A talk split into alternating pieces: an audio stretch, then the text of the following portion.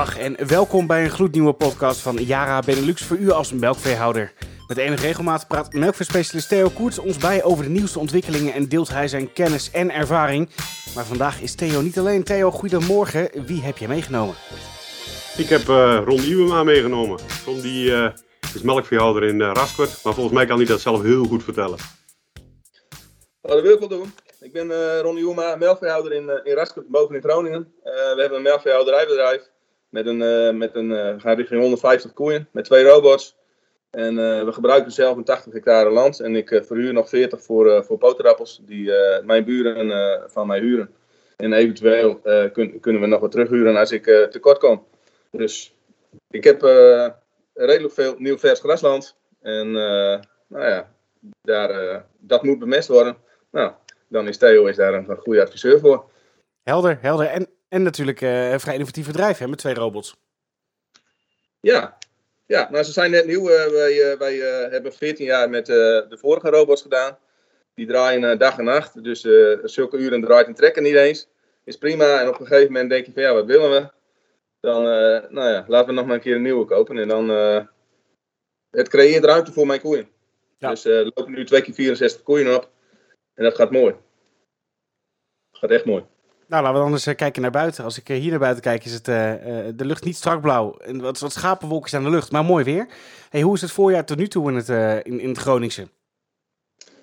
Nou, het was, uh, gezien de robots was, was ik wat laat met, met drijfmestrijden. goed, tweede, tweede week maart. En dat ging op zich prima, direct erachteraan. Ik heb mest onderzocht. maar goed, daar had ik nog geen uitslag van. Maar wel direct erachteraan, de week erop, heb ik sulfa gestrooid. Dat doe ik al jaren overigens. En eerst overal de nieuwe oude, oude percelen bijgemest. En de nieuwe percelen heb ik de helft gegeven. Waarvan ik begin april heb ik die, de, de, tweede gift gegeven. Zodat ik op mijn 100, 120 kilo zuiver kom. Nou, en dan is het nu even afwachten wat er gebeurt. We hebben, vorige week hebben we de maïs gezaaid denk niet dat ik ongelukkig ben. We zijn nu inmiddels 46 mm verder. Dus wij kunnen de eerste week niet op land. En dat hoef ik, hoef ik ook niet. Maar goed, zeg maar. Ik bedoel, er mag nog een gedeelte van de aardappels mag nog gepoot worden. Nou, diegenen die erin zitten doen niks. Dus uh, we beleven het. Wordt wel laat. Wordt wel laat. Theo, herken jij dit uh, van de verhalen door de rest van het land? Ja, dat ken ik zeker. het verschil is trouwens wel Noord en Zuid. Noord-Nederland heb ik de afgelopen ja, het aantal nachten, laten we zeggen, we een week, 14 dagen geleden, was het zelfs nog min 7 aan de grond op grasniveau. Dus het is echt gewoon achterlijk koud. Uh, dat is, uh, je ziet het ook gewoon, uh, de kleur van het gras overal. En ja, er komt nu wel warmte aan. vocht hebben we, dus nu de warmte erover. Nu kan het gaan groeien. Maar ja, je zit nu wel met het dilemma van mensen die zien en die hebben kans om te, te maaien. Ga je nu maaien of wacht je echt tot je volwaardige snede hebt? Dus ga je echt naar die 3 ton, 3,5, ga je wachten. Uh, want je zit aan de andere kant, kom je het, uh, het, het moment tegen dat het gras straks door gaat schieten voor de tweede snede. Dat komt vrij snel. Als je straks maai, gemaaid hebt en je tweede snede gaat groeien, dat je vrij vlot een doorschiet hebt. En dan gaat die kwaliteit en die groei die klapt in elkaar. Dus dat, dus dat is een beetje het dilemma. Maar ik, ik denk als ik alles een beetje bij elkaar gooi, wacht tot je een goede snede hebt en ga dan oogsten. Dat is het verstandigste. En hoe zou jij dan een goede snede typeren? Een goede snede, nou ja, in ieder geval dat je er genoeg, uh, ook nog een beetje zon in hebt en een beetje droog. Uh, dat je kunt oogsten rond de 45%. Dat is wel, uh, wel, wel het streven. En ja, 3 ton, 3,5 ton, als je dat kunt oogsten, is een, is een mooie hoeveelheid. Dus dan kun je, kun je vooruit. Dan heb je een mooi stuk zitten voor, voor de winter. Ron, komen we daarbij uh, in de buurt uh, op de percelen bij jou? Nou, wij, zitten. Uh, nou, mijn, ik, ik, zit met mijn, met kunstmest. Als je 120 kilo strooit, dan moet je, wil je 180 kilo eiwit hebben. Dan kun je gewoon uitrekenen waar je ongeveer, ongeveer oogsten moet. Dus, dus, dus 3000, 3,5 ton. En ik denk, dat, daar zit het bij mij nog niet op, die percelen. Maar goed, als je, als je, er zijn weideboeren, die hebben hier in de buurt er wel gemaaid.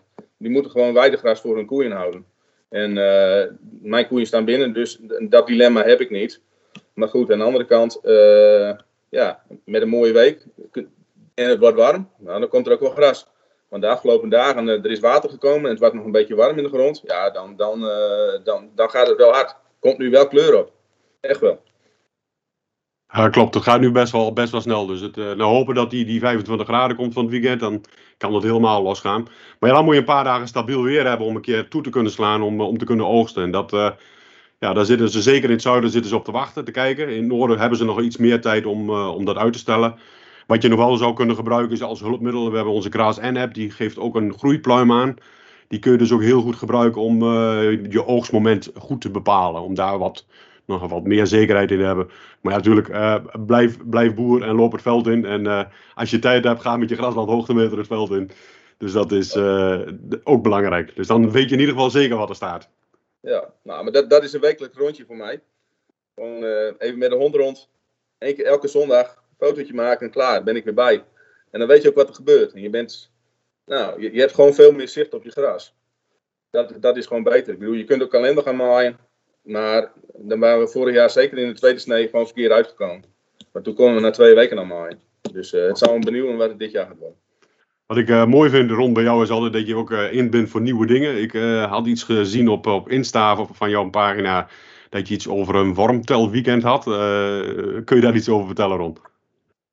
Nou ja, wij, wij, wij worden weggezet als, als nou ja, intensieve boeren die die op dood grasland of op dode grond boeren. Nou had het collectief Westen die een initiatief om, om wormen te gaan tellen. Nou, ik, ik zit met een redelijk intensief bouwplan. Dus met, met aardappels en, en gras. Nou, ik denk, laat ik er ook maar naar meedoen. En ik heb in één perceel heb ik vijf polletjes uit. je bent gewoon, gaat gewoon in een wee over je land heen. Nou, dat doe je met, met een graslandhoogtemeter in principe ook. Dus, en dan op elke hoek spit je een polletje uit van een spotbreedte. En nou, ik had, ik had 88 wormen uit vier spitten, of uit vijf spitten dus. Nou, dat was, dat was netjes. Ik bedoel, hele oudere graslanden die zitten een keer op, op 40 in een pol. Nou, ik zat op goed 20. Nou, mag ik helemaal niet ontevreden zijn. En het is zeker niet dood. Anders wordt hij ook niet groen trouwens. Nee, dat klopt. Maar, dat is, maar dat zijn leuke dingen om te zien. Ik zie het altijd op Insta, zie ik die foto's langskomen. En denk ik, ja, dat is wel weer, iets, weer iets anders. Um, nou ja, het geeft ook aan, er wordt wel heel veel over de steppen gepraat. En over de eentonige en het biodiversiteitverhaal. Maar als ik op jouw erf rondloop, en ik ben bij jou geweest voor een farmwalk. Jij doet ook aan, aan biodiversiteit. Je hebt ook nog een kruidentuin, zoals je zelf aangaf. Het, ja. hoe, gaat het, hoe gaat het daar nou mee? Nou, ik, uh, die, die heb ik van het voorjaar bemest met, met 30 kuben dunne drijfmest.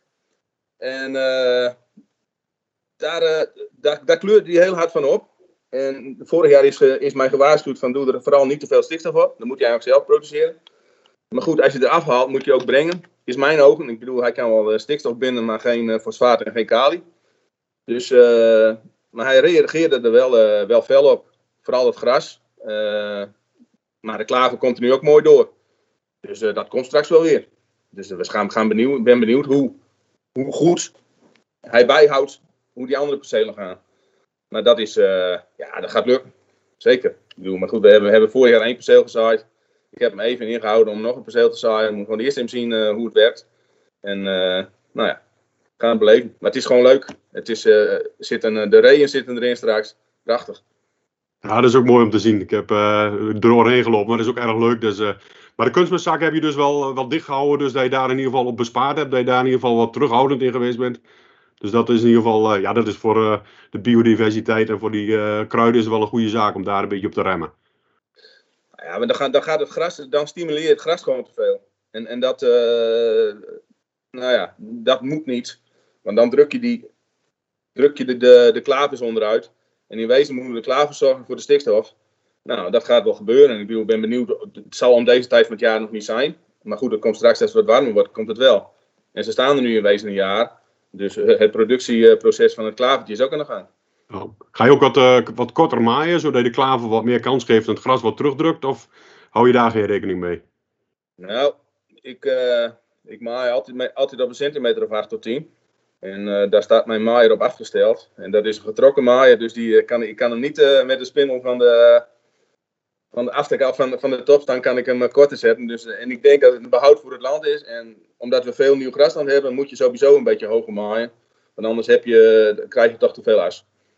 Ja, de, ja, de druk je gewoon mooi op die manier. En de hergroei is er zo weer. Dus het, het, het start veel sneller weer met groeien. Dat is, uh, gras groeit dat gras. Dat is een mooie uitspraak. Maar door wat hoger te maaien, dat, dat, dan gaat het ook zeker. Gaat het extra snel. Dus dat is zonder meer. Je hoort het, hè? twee heren aan tafel, oude jongens kentenbrood. Volgens mij al jarenlang aan elkaar verbonden. Dan heb ik ook begrepen dat jullie uh, met elkaar een, eh, een proef aangaan. Uh, Theo, klopt dat? Ja, dat klopt. Wij gaan een nieuw product gaan we uittesten. Ik zat vorig jaar zaten we wat te dubben. Van, we misten nog wat in ons assortiment. Vorig jaar hadden we wel een selenium meststof. En die, voor de mensen die selenium nodig zijn voor, voor in het grasland. Ja, en dan misten we gewoon. We hadden dan en voor de derde, vierde, vijfde snede waren mensen allemaal blends aan het maken en van allerlei mixen. En nou ja, ik, ik ben toch altijd van streep product, alles in één korrel. Uh, zoekend geweest binnen het pakket. Uh, mooi uh, product gevonden, de NutriBooster. Er zit gewoon de ammonium en nitraatmeststof in. Er zit een heel klein beetje zwavel zit er nog in. En 15 ppm selenium. En vooral die 15 ppm selenium is mooi, omdat je voor de derde, vierde snede wat minder geeft wat hoger seleniumniveau, dat je ook in je grasland voldoende en je gras voldoende selenium krijgt. Hij is, uh, verder is hij heel mooi geschikt op, uh, op veengrond voor in het voorjaar. Uh, minder stikstof geven, maar wel voldoende selenium. En wat we ook gezien hebben is vooral mensen met vleesvee, die zitten ook nog wel met een selenium probleem. Die hebben een hele hoge seleniumbehoefte, de Belgische witblauwe. En voor die adressen niet te veel stikstof, want anders krijgen die vieze kontjes. En uh, zorgen dat je wel voldoende selenium hebt, dus dat je de gezondheid van uh, de witblauwe beter op niveau krijgt. Dus eigenlijk past die daar heel mooi in. Dus we gaan ermee aan de slag. er komt vast wel een moment dat we het wereldkundig maken. Dat we de eerste keer in Nederland uh, Nutribooster gaan zaaien bij Ron. Dus dat, volgens mij gaat dat helemaal lukken. Dus met de vlag op de kunstmestrooien, Ron? Ja, denk ik wel.